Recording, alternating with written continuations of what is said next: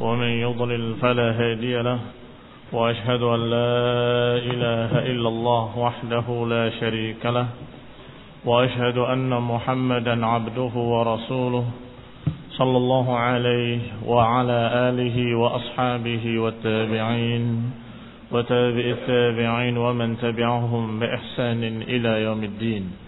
يا أيها الذين آمنوا اتقوا الله حق تقاته ولا تموتن إلا وأنتم مسلمون. يا أيها الناس اتقوا ربكم الذي خلقكم من نفس واحدة وخلق منها زوجها وبث منهما رجالا كثيرا ونساء واتقوا الله الذي تساءلون به والأرحام إن الله كان عليكم رقيبا. يا أيها الذين آمنوا اتقوا الله وقولوا قولا سديدا. يصلح لكم أعمالكم ويغفر لكم ذنوبكم. ومن يطع الله ورسوله فقد فاز فوزا عظيما. أما بعد فإن خير الحديث كتاب الله. وخير الهدي هدي محمد صلى الله عليه وعلى آله وسلم وشر الأمور محدثاتها فإن كل محدثة بدعة وكل بدعة ضلالة وكل ضلالة في النار Ikhwani fi din, a'azakumullah kaum muslimin yang saya hormati. Masih kita berbicara tentang lafaz Al-Qur'an. Sudah disinggung kemarin bahwa Al-Qur'an bisa masdarun dan juga taratan yudhkar wa yurad bihi al-qiraah.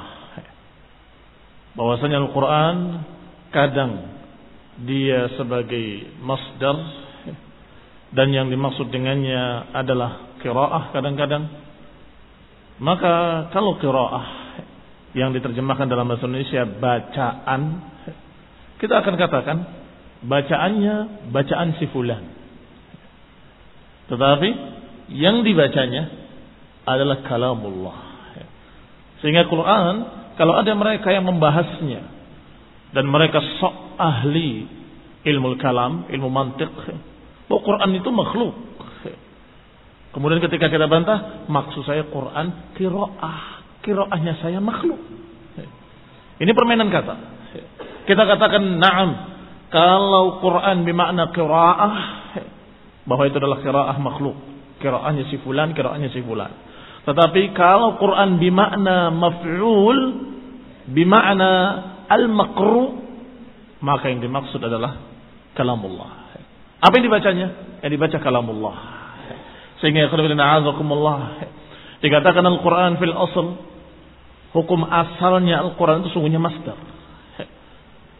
Fataratan yadhkur wa yurad bihi al-qira'ah. Maka kadang-kadang yang dimaksud dengannya adalah bacaan. Qala ta'ala Allah Subhanahu wa taala berfirman, "Wa Qur'anal fajr." Inna Qur'anal fajr kana mashhuda. Dikatakan Qur'anal fajr, bacaan fajar. Inna Qur'anal fajr kana mashhuda. Sesungguhnya Quran fajar mashhuda. Tapi kalau Quran bermakna kalamullah, Apakah disifati ada pagi, ada Quran pagi, Quran sore, Quran siang? Ya, tidak. Tetapi yang dimaksud adalah qiraah. Qiraahnya manusia di pagi hari di waktu fajar membaca Al-Quran, masyhud, dipersaksikan. Dan maknanya adalah dipersaksikan oleh malaikat malam dan malaikat siang sekaligus. Sehingga Quran al-Fajr lebih istimewa. Wa qala sallallahu alaihi wasallam. Juga Rasulullah menyatakan zayyinul Qur'ana bi aswatikum. Hiasilah, baguskanlah Quran dengan suara-suara kalian. Apa yang dimaksud dengan Quran? Kalau Quran dalam artian kalamullah sudah pasti bagus. Iya kan? Nggak perlu zayyinu, nggak perlu diindahkan, sudah paling indahnya, paling bagusnya, paling sempurnanya itu Al-Quran. Tetapi ketika Nabi menyatakan zayyinul Quran bi aswatikum, baguskanlah Al-Quran dengan suara-suara kalian, maka yang di sini maknanya adalah qiraatukum. Zayyinu qiraatakum bil Quran. Itu maknanya. Indahkanlah bacaan kalian terhadap Al-Quran. Ketika membaca Al-Quran, baguskanlah. tajwidnya, suaranya, semuanya. Baguskanlah, indahkanlah. Ikhwan ibn a'azakumullah hadis yang dikeluarkan oleh Abu Daud dan Nasai dan Ibnu Majah dan lain-lainnya dari Abdurrahman ibn Aswajah dari Barra ibn Azib radhiyallahu taala anhu.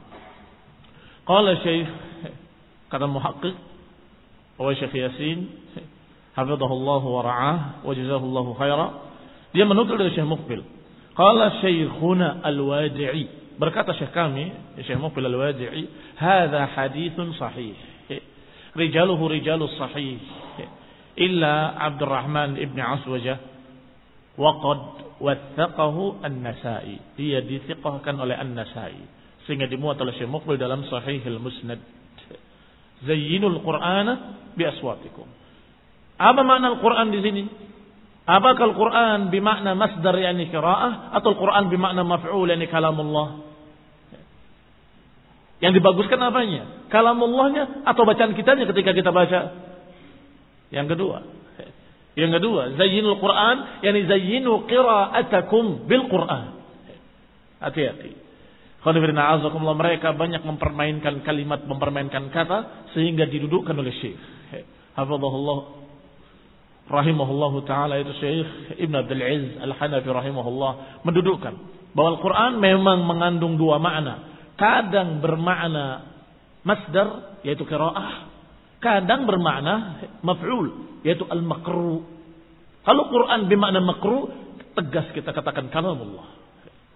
Yang dibaca oleh mereka Al-Quran yang dibaca oleh mereka diturunkan oleh Allah melalui Jibril yang disampaikan oleh Rasulullah SAW kepada kaum muslimin yang dibaca oleh kaum muslimin maka itu kalamullah ghairu makhluk bukan makhluk tetapi kalau Al-Quran bimakna qiraah Al-Quran bimakna bacaan kalian sebagaimana tadi dikatakan bacaan pagi kalian dipersaksikan atau indahkanlah bacaan kalian terhadap Quran maka ini berbeda فإذا قرأت القرآن فاستعذ بالله وتارة يذكر ويراد به المقروء tetapi hati-hati kadang-kadang disebut Al-Quran wa yuradu bihi al-makru tetapi yang dimaukan adalah yang dibacanya ini contohnya ayat lain yaitu fa idza qara'tal qur'ana fasta'id billahi minasy syaithanir rajim Wa idza qara'tal Qur'an, kalau engkau membaca Al-Qur'an,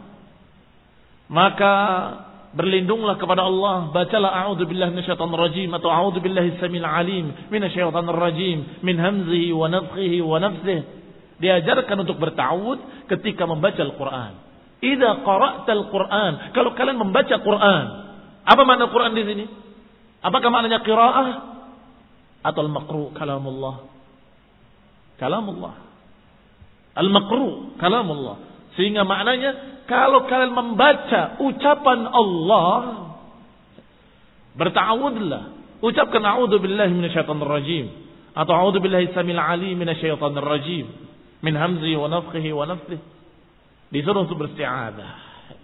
Atau ayat lain Allah katakan, "Wa idza quri'al Qur'anu fastami'u lahu wa ansitu la'allakum turhamun."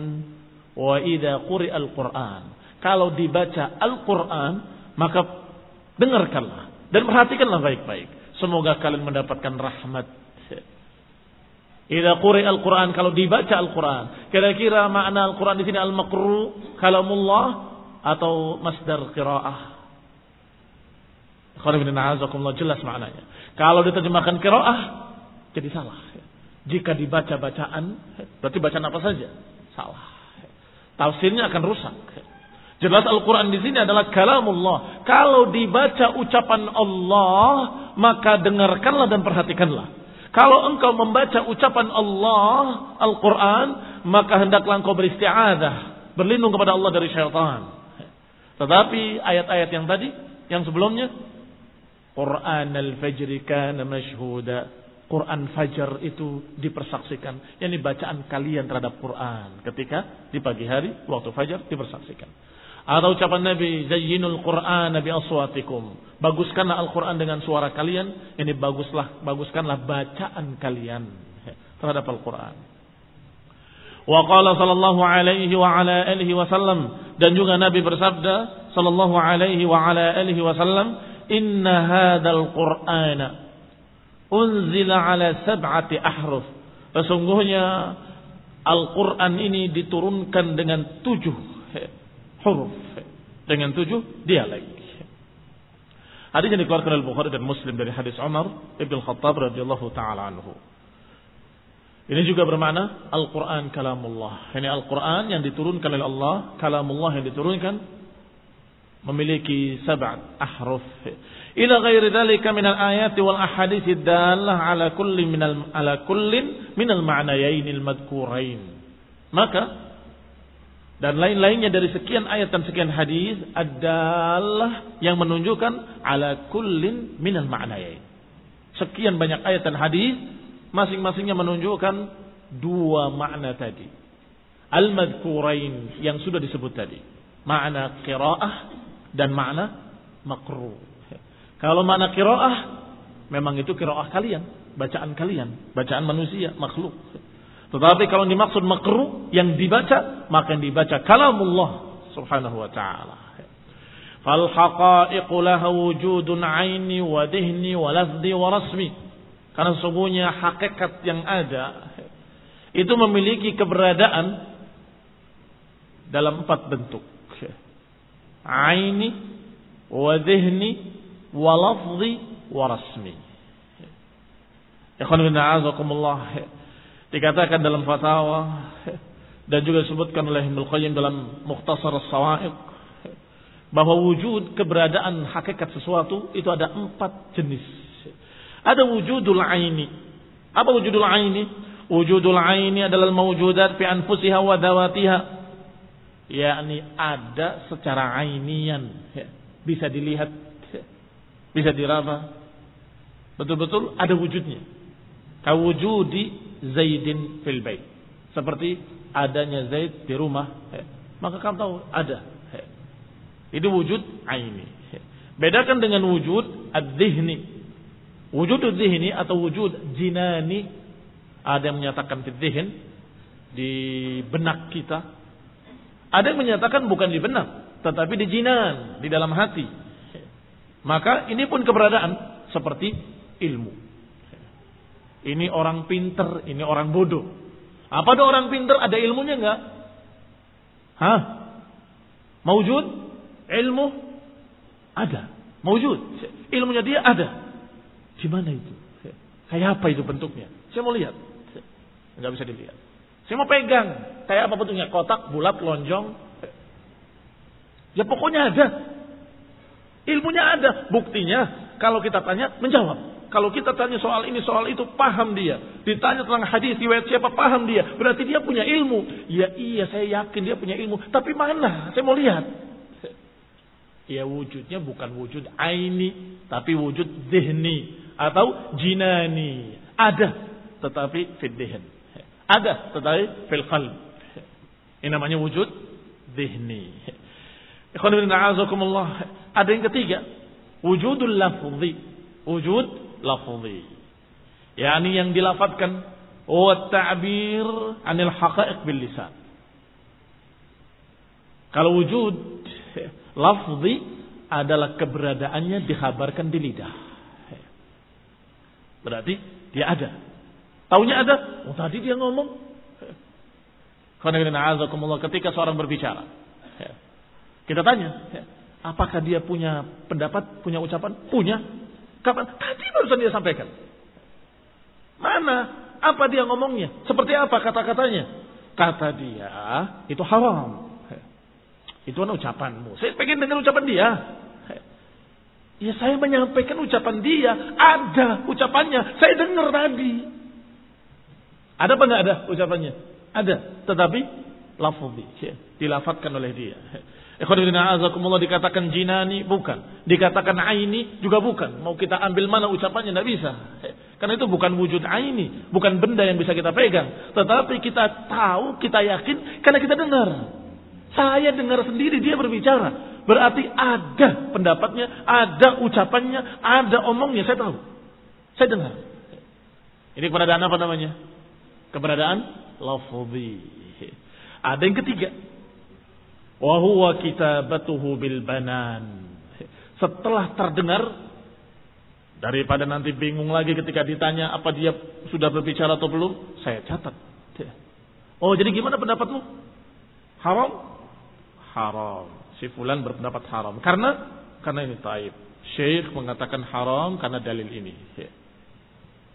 Apa ada pendapatnya Syekh? Ada. Dari Syekh Lafzi. Dia menyampaikan lafzan. Kemudian kamu tunjukkan. Nih. Pendapatnya Syekh. Ini yang nulis apa? Ya saya. Loh. Saya mau dari Syekh. Ya ini saya dengar kemudian saya tulis. Berarti ada. Tapi dalam bentuk tulisan. Ini namanya kitabah. Atau dalam bahasa lainnya. Rasm. Tulisan. Sehingga namanya wujud. Ada empat. Aini. Wa dhihni. Wa lafzi. Wa rasmi. Walakin al-a'yan tu'lam. Yang namanya a'yan. Sesuatu yang aini. Keberadaan aini. Diketahui. Berarti berubah jadi aini kepada apa? Zihni, jinani. Misalnya kamu tidak tahu semua, yang satu tahu. Dia melihat sendiri, pegang, tahu. Bagi dia, keberadaannya apa? Aini. Dia lihat sendiri, dia pegang sendiri, dia yakin. Tapi ketika dia pulang, dia menyampaikan. Tadinya dia melihat kemudian menjadi tahu. Iya kan? Menjadi tahu. Sekarang dia punya pengetahuan yang dia lihat di dalam hatinya. Saya sekarang tahu ternyata bentuknya begini, bentuknya begitu. Di mana keberadaan itu? Fidhnihi dalam hatinya. Thumma tudhkar. Kemudian disampaikan. Saya lihat sendiri begini, begini, begini, begini. Apa sekarang? Lafudhi. Dilafatkan. Orang yang mendengar dari dia hanya mendengar keberadaan secara lafaz. Katanya ada. Iya kan? Catat sama dia. Berubah lagi sekarang dalam catatan. Orang yang ketiga akan melihat keberadaannya secara catatan saja. Dia nggak mendengar ucapannya, nggak mendengar kenyataannya, nggak melihat aslinya. Pokoknya ada catatannya. Fakitabatuha fil mushaf Hiyal martabatur rabi'ah. Berarti pencatatan itu adalah peringkat yang keempat. Peringkat yang keempat. Setelah aini, kemudian lafzi, setelah lafzi, setelah zihni, kemudian lafzi, setelah lafzi baru kemudian kitabah, tulisan. Ikhwan ibn a'azakumullah wa ammal kalam fa innahu laysa bainahu wa bainal mushafi wasatah. Bal huwa alladhi yuktab bila wasatati dhihnin wala lisan. Dikatakan berarti pencatatan di mushaf, mushaf dicetak, ditulis oleh santri-santri tentang ayat-ayat Allah itu peringkat yang keempat. Ya, ini dalam keadaan pertama keberadaannya hakiki, wujudi. Di mana? Fi lauhim mahfuz. Di lauh mahfuz. Kemudian dikabarkan oleh Jibril. Berarti dalam bentuk oh, diketahui dulu oleh Jibril maka dalam bentuk dihni. Kemudian disampaikan dalam bentuk lafzi. Kemudian dicatat oleh pencatat-pencatat Rasul, pencatat-pencatat, maka itu menjadi rasmi atau kita menjadi tulisan. Berarti tulisan adalah yang keempat. Dan semuanya kita katakan kalamullah. Dan semuanya ada. Al-Quran fil lauhin mahfud mawujud. Aini Al-Quran disampaikan oleh Jibril, mawujud, lafzi. Al-Quran di, diketahui, dipahami oleh Rasulullah SAW dan di, oleh kaum muslimin. Maka ada fidzihn, ada di benak-benak mereka Al-Quran. Dan disampaikan oleh mereka, ditulis oleh mereka. Maka keberadaan tadi tetap ada dalam tulisan mereka. Sehingga yang ditulisnya kalamullah, yang disampaikan kalamullah, yang didengar kalamullah. Tidak berubah keberadaannya, tetap dia kalamullah hanya bentuk-bentuk keberadaannya yang berbeda. Kadang wujudnya wujud aini, kadang zihni, kadang lafzi, kadang rasmi. Amal kalam fa innahu laisa bainahu wa bainal mushafi wasitah. Adapun ucapan Allah Subhanahu wa taala, maka enggak ada kaitannya dengan mushaf tadi. Enggak ada kaitan langsung maksudnya. Apa kaitannya? Enggak ada. Cuma Allah berbicara, didengar oleh para malaikatnya. Para malaikat yang mendengar menyampaikan kepada Rasul. Para rasul menyampaikan kepada umatnya, kemudian umatnya mencatat dalam mushaf, kemudian dicetak dalam mushaf-mushaf, selesai. Sehingga itu peringkat yang keempat, tidak ada hubungan langsung dengan ucapan Allah taala. Bal huwa alladhi yuktab bila wasitatin dihnin wala lisan. Wal huwa alladhi yuktab bila wasitah. Maka yang ditulis dia adalah yang ditulis bila wasitatin dihnin wala lisan. Dicatat tanpa ada wasitah tanpa ada perantaraan dihnin wala lisan. Ikhwanuddin itu Al-Quran yang fil lawhil mahfuz. Wal Quran baina kaunihi fi zubril awwali. Maka Al-Quran disebut di dalam Al-Quran kadang dikatakan fi zubril awwali. Zubur adalah dalam uh, sebutan mereka. Wa baina kaunihi fi riqqin mansyur fi raqqin mansyur. Disebutkan pula dalam ayat lain fi lauhim mahfuz. Disebutkan pula dalam ayat lain fi kitabim maknun. Apa perbedaan-perbedaannya? Wal farqu baina hadhihi ayat perbedaan antara ayat-ayat ini wadih, sangat jelas. Apa sangat jelas kata beliau? Faqauluhu anil Qur'an ketika Allah membicarakan Al-Quran.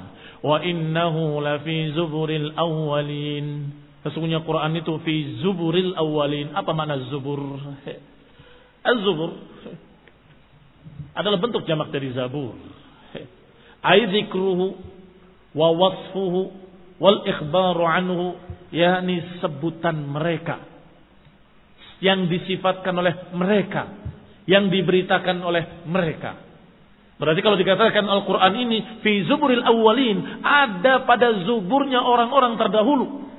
Apa maknanya? Pada zaburnya orang-orang terdahulu, yakni pada sebutan mereka, pada cerita mereka, pada berita-berita mereka sudah ada. Makna bebasnya Al-Quran sudah dibicarakan oleh mereka. Yahudi dan Nasrani. Nanti akan datang satu seorang Rasul yang terakhir. Nanti akan diturunkan kitab Al-Quran. Nanti akan mereka sudah berbicara. Ini mana fi zuburil awwalin. Bahwasanya Al-Quran sudah ada pada sebutan-sebutan mereka, pembicaraan-pembicaraan mereka, sifat-sifat mereka. Kama anna Muhammadan maktubun indahum. Sebagaimana Nabi Muhammad SAW telah tertulis di sisi mereka. Mereka sudah punya catatannya akan datang seorang Nabi namanya Ahmad atau Muhammad atau Mahi. Yang semua itu nama-nama Rasul SAW. Idil Qur'anu anzalahu Allah ala Muhammad SAW. Sedangkan Al-Quran diturunkan oleh Allah kepada Nabi Muhammad SAW. Nabi Muhammad sudah dibicarakan. Demikian pula Qurannya sudah dibicarakan. Maka Allah katakan, fi zuburil awwalin ada pada pembicaraan mereka. Lam yunazilhu ala ghairihi aslan. Memang Al-Quran tidak diturunkan pada selain Muhammad sallallahu alaihi wa ala alihi wasallam. Tidak diturunkan kepada selain beliau alaihi salatu wassalam. Walihada qala fi zubur. Oleh karena itu Allah Subhanahu wa taala menyatakan fi zubur walam yaqul fil fi suhuf. Allah tidak menyatakan fi suhuf tapi menyatakan fi zuburil awwalin. Wala riq juga Allah tidak menyebutkan fir riq. Lianna zubur jama' zabur. Karena zubur itu bentuk jamak dari zabur. Sedangkan az-zabr maknanya adalah al-kitabah wal jama' catatan, tulisan atau kumpulan sesuatu. Wa annahu la zuburil awwalin maka makna ayat bahwasanya Al-Quran ini ada pada zubur-zubur mereka, yakni mazburil awwalin sudah ada pada catatan-catatan mereka, sudah ada pada tulisan-tulisan mereka. Fa fi nafsil lafaz wa ishtiqaqihi ma yubayyin al-ma'na al-murad. Maka di dalam nafat itu sendiri, dan dalam mustaqnya sumber pengambilan kalimat itu sendiri sudah ada sesuatu yang menjelaskan makna yang dimaksud. Yubayyin kamal bayanil Quran wa khulusihi minal labas. Yani mengkabarkan bahwa Al-Quran ini sempurna dan terbebas dari kesamaran atau kekaburan. Sejak zaman dulu, zaman Yahudi dan zaman Nasrani sudah dibicarakan oleh mereka dan sudah disebut-sebut oleh mereka. Dan tidak berubah sampai ketika diturunkan kepada Nabi Muhammad sallallahu alaihi wa ala alihi wasallam. Sebagaimana disebutkan, alladhi yajidunahu maktuban 'indahum. Berarti sama ayat tadi dengan ayat yang Allah katakan alladhi yajidunahu maktuban 'indahum yang mereka dapati tertulis di sisi mereka. Ini ketika mereka mendengar ayat Al-Qur'an. Mereka sudah tahu. Ini sudah ada pada kitab kami yang terdahulu. Kalimat-kalimatnya atau maknanya atau semua berita-beritanya mereka sudah pernah dengar. Wa fi zuburil awwalin kata Allah sudah ada dalam zubur mereka, dalam catatan-catatan mereka. Dan juga dikatakan alladzi yajidunahu maktuban indahum. Mereka sudah mendapati tertulis pada sisi mereka.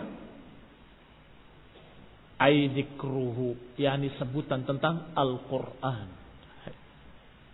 Bikhilafi qawlihi, berbeda dengan ayat yang lain yaitu fi lauhin mahfud, fi riqqin mansyur, fi kitabim maknun. Ini beda. Kenapa beda?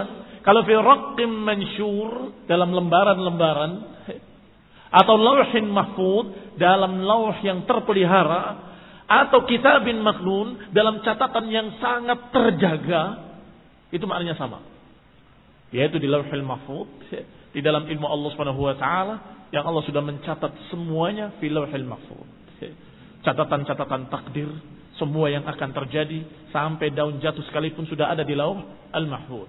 Demikian pula Al-Quran. Sudah tertulis, sudah tercatat di dalam lauhil mahfud. Lauhil mahfud itulah yang dikatakan kitabum maknun. Catatan yang terjaga. Yang tidak akan bisa berubah.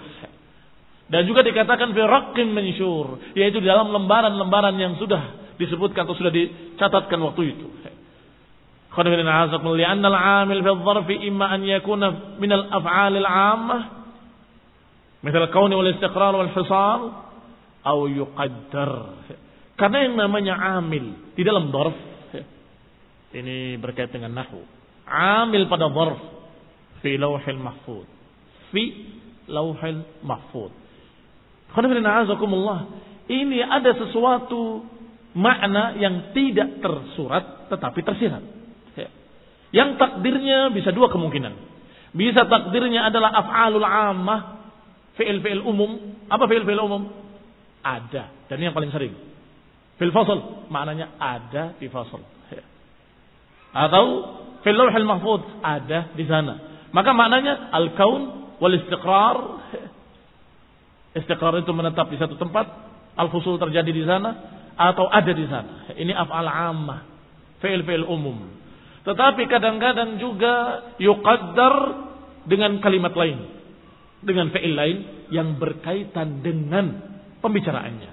Kalau yang dibicarakan dalam Al-Quran, dikatakan dalam kitab, fil kitab, maka tentunya yang tidak tersebut, yang tidak tersurat tapi tersirat, itu berkaitan dengan kitab, yaitu maktubun fil kitab maktubun fil kitab. Atau dikatakan tertulis di dalam catatan tersebut, catatan yang terjaga. Sehingga kalau dikatakan fi raqim mansyur, yakni tercatat di dalam catatan. Lembaran-lembaran catatan. Atau kalau dikatakan fi kitabim maknun, yakni maktubun fi kitabin maknun. Tertulis di dalam kitab, dalam catatan yang terjaga. maktubun fi kitabin atau fi riqqin atau fil kitab. Taratan yudkar wa yurad bihi mahalul kitab. Kadang-kadang maksudnya adalah tempat catatan itu. Wa taratan yudkar wa yurad bihi al-kalamul maktub. Kadang-kadang juga yang dimaksudkan adalah ucapan yang tertulis.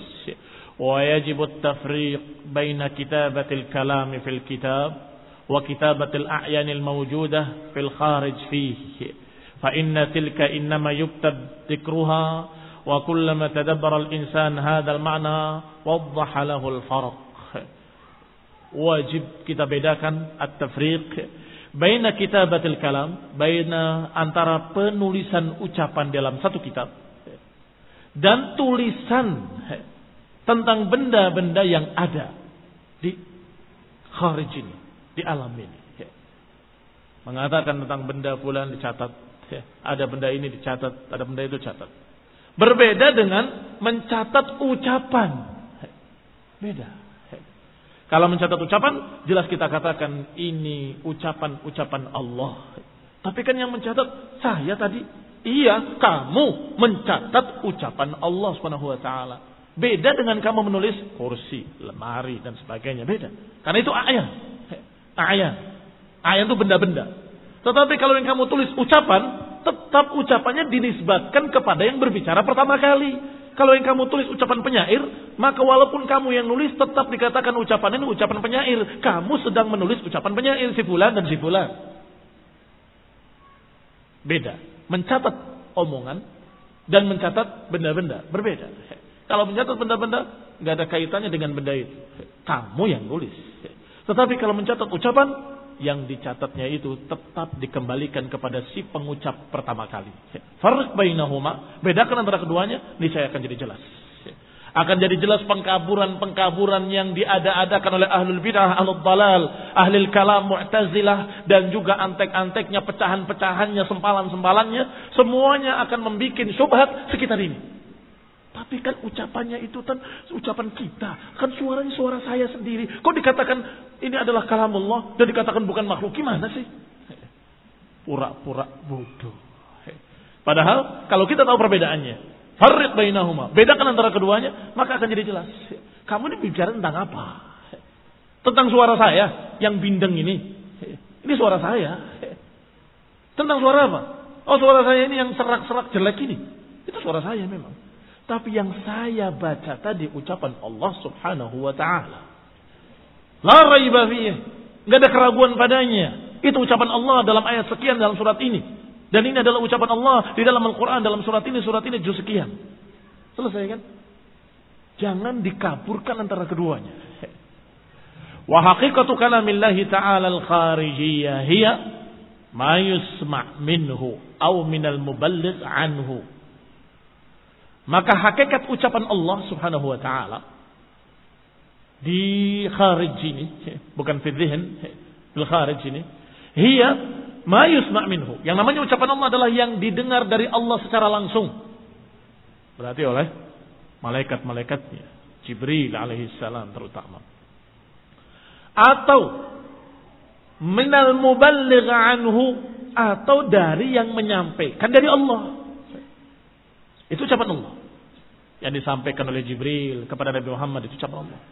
Yang disampaikan oleh Nabi Muhammad SAW kepada umatnya itu ucapan Allah. Yang disampaikan oleh umatnya dari Nabi Muhammad SAW, dari Jibril, dari Allah Subhanahu Wa Taala itu tetap ucapan Allah. Sehingga ketika Nabi SAW dihalangi dakwahnya oleh musyrikin Quraisy, Nabi menyatakan, Kenapa? Atamna'uni an uballigha kalam Rabbi Apakah kalian menghalangi aku untuk aku menyampaikan ucapan Rabbku? Lihat, kalama Rabbi, Rasul yang berbicara, tapi tetap Rasulullah SAW menisbatkannya kepada Allah. Kalama Rabbi, apakah kalian menghalangi aku untuk menyampaikan kalama Rabbi? Maka ketika Rasulullah membacakan ayat-ayat Allah, tetap itu kalam Rabbi. Kalam Rabbuna Jalla Jalaluh. Faidah sami'ahu sami' alimahu wa hafidhahu. Kalau ada orang yang mendengar dari Nabi SAW atau dari mereka ayat-ayat Allah, maka orang yang mendengar tadi alimahu wa hafidhahu, mengetahui kemudian menghafalkan, mendengarkan kemudian hafal. Dia belum berbicara, tapi di benaknya ada. Dia hafal ayat kursi, dia hafal An-Nas, Al-Falaq, Al-Ikhlas, dia hafal juz amma, bahkan ada yang hafal 30 juz. Fakalamullahi masmu'un lahu ma'lumun mahfud. Maka kita akan katakan bahwa Al-Quran ada di benaknya. Ucapan Allah ada di hatinya. Karena dia hafal ucapan Allah SWT. Masya Allah. Demikian keistimewaan para hafid-hafid Al-Quran.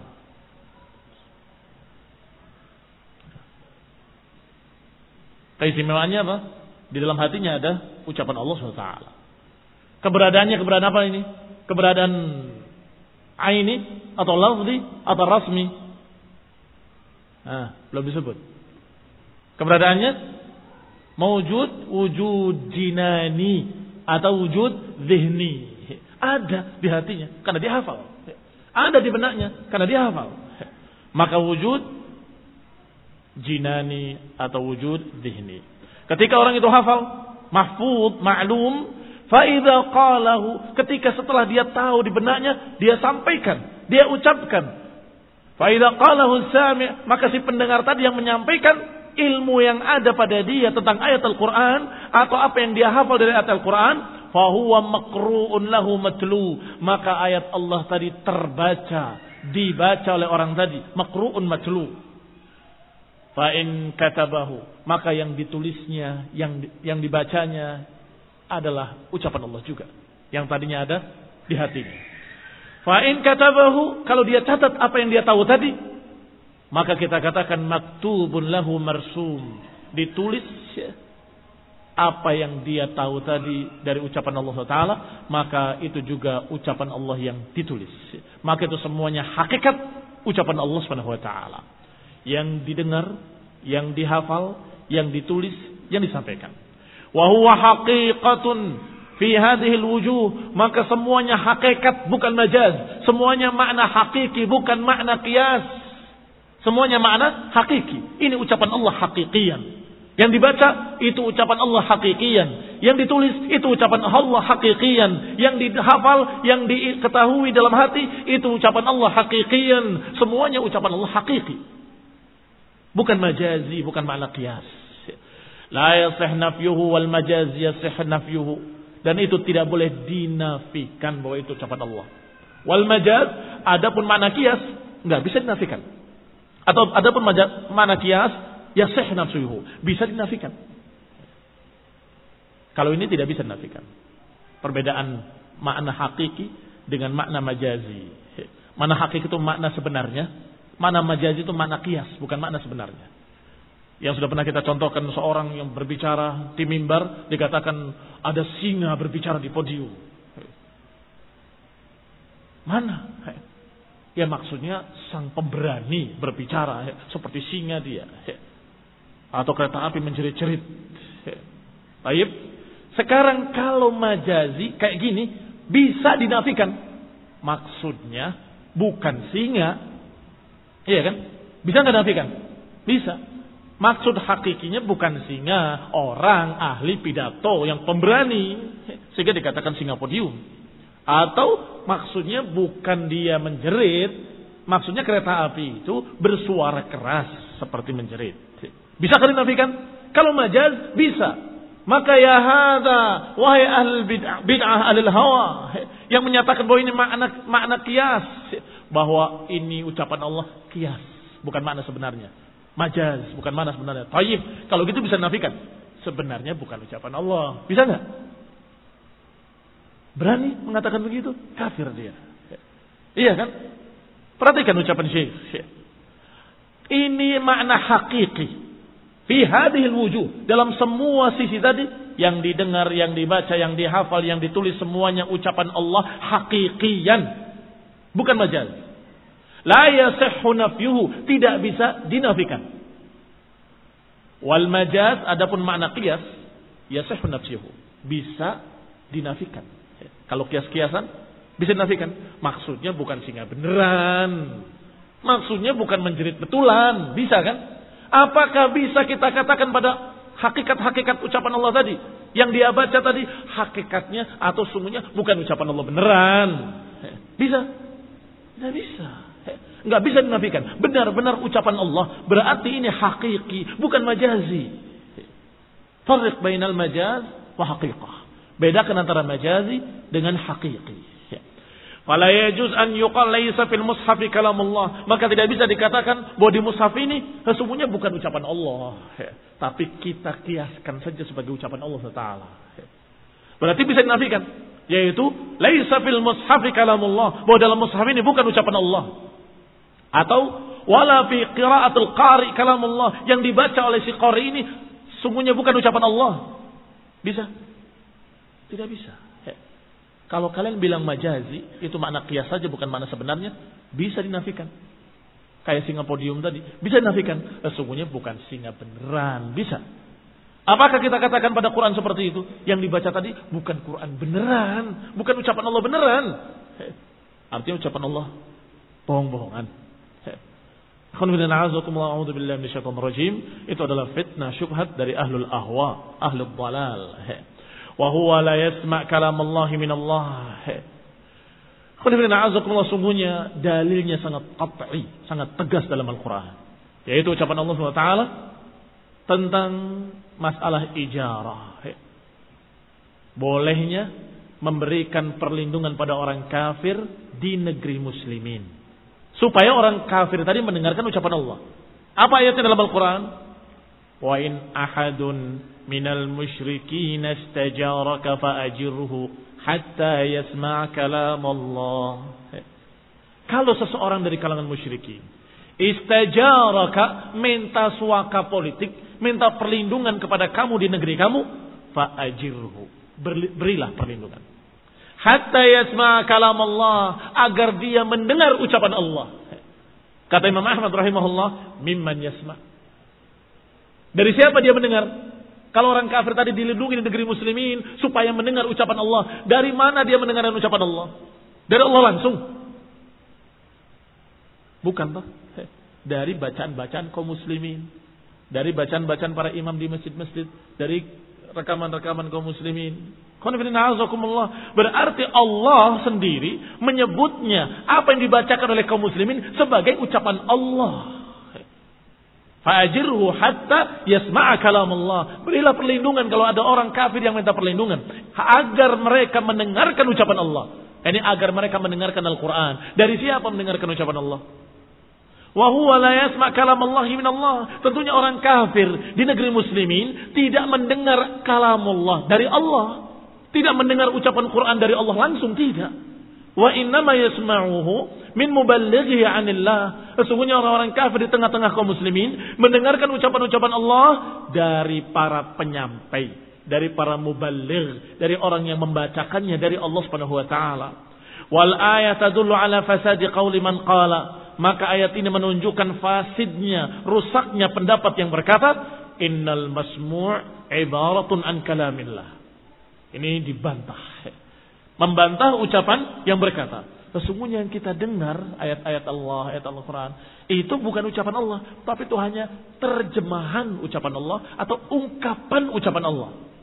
Bukan ucapan Allah hakiki.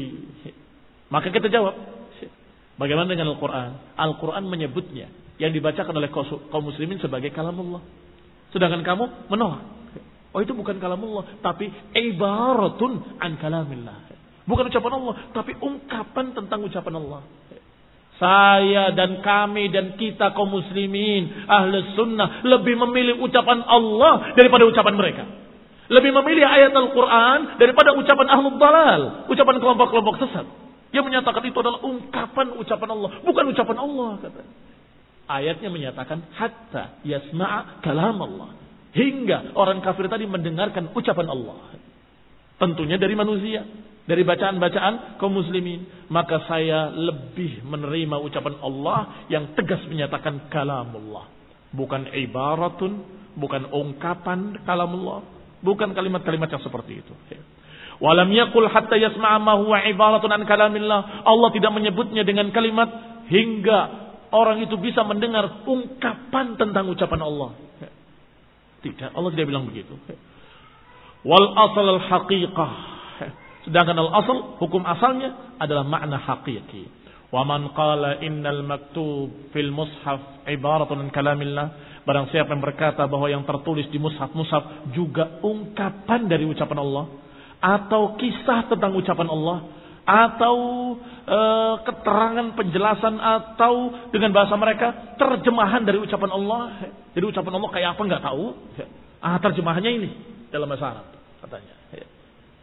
Walaysa fiha kalamullah dan mengatakan bahwa di Quran itu berarti bukan ucapan Allah, hanya mengungkapkan tentang ucapan Allah. Berarti orang ini faqad khalafal kitab wa sunnata wa salafus salih wa kafa bidzalika dalalan. Berarti orang tadi telah menyelisihi Al-Quran, telah menyelisihi kitab wa sunnah, dan telah menyelisihi salaful ummah. Maka cukup dengan itu dia sebagai kesesatan. Wa kafa bidzalika dalalan. Allah Ta'ala a'lam. Wassalamualaikum warahmatullahi wabarakatuh. سبحانك اللهم وبحمدك أشهد أن لا إله إلا أنت أشكرك وأتوب إليك والسلام عليكم ورحمة الله وبركاته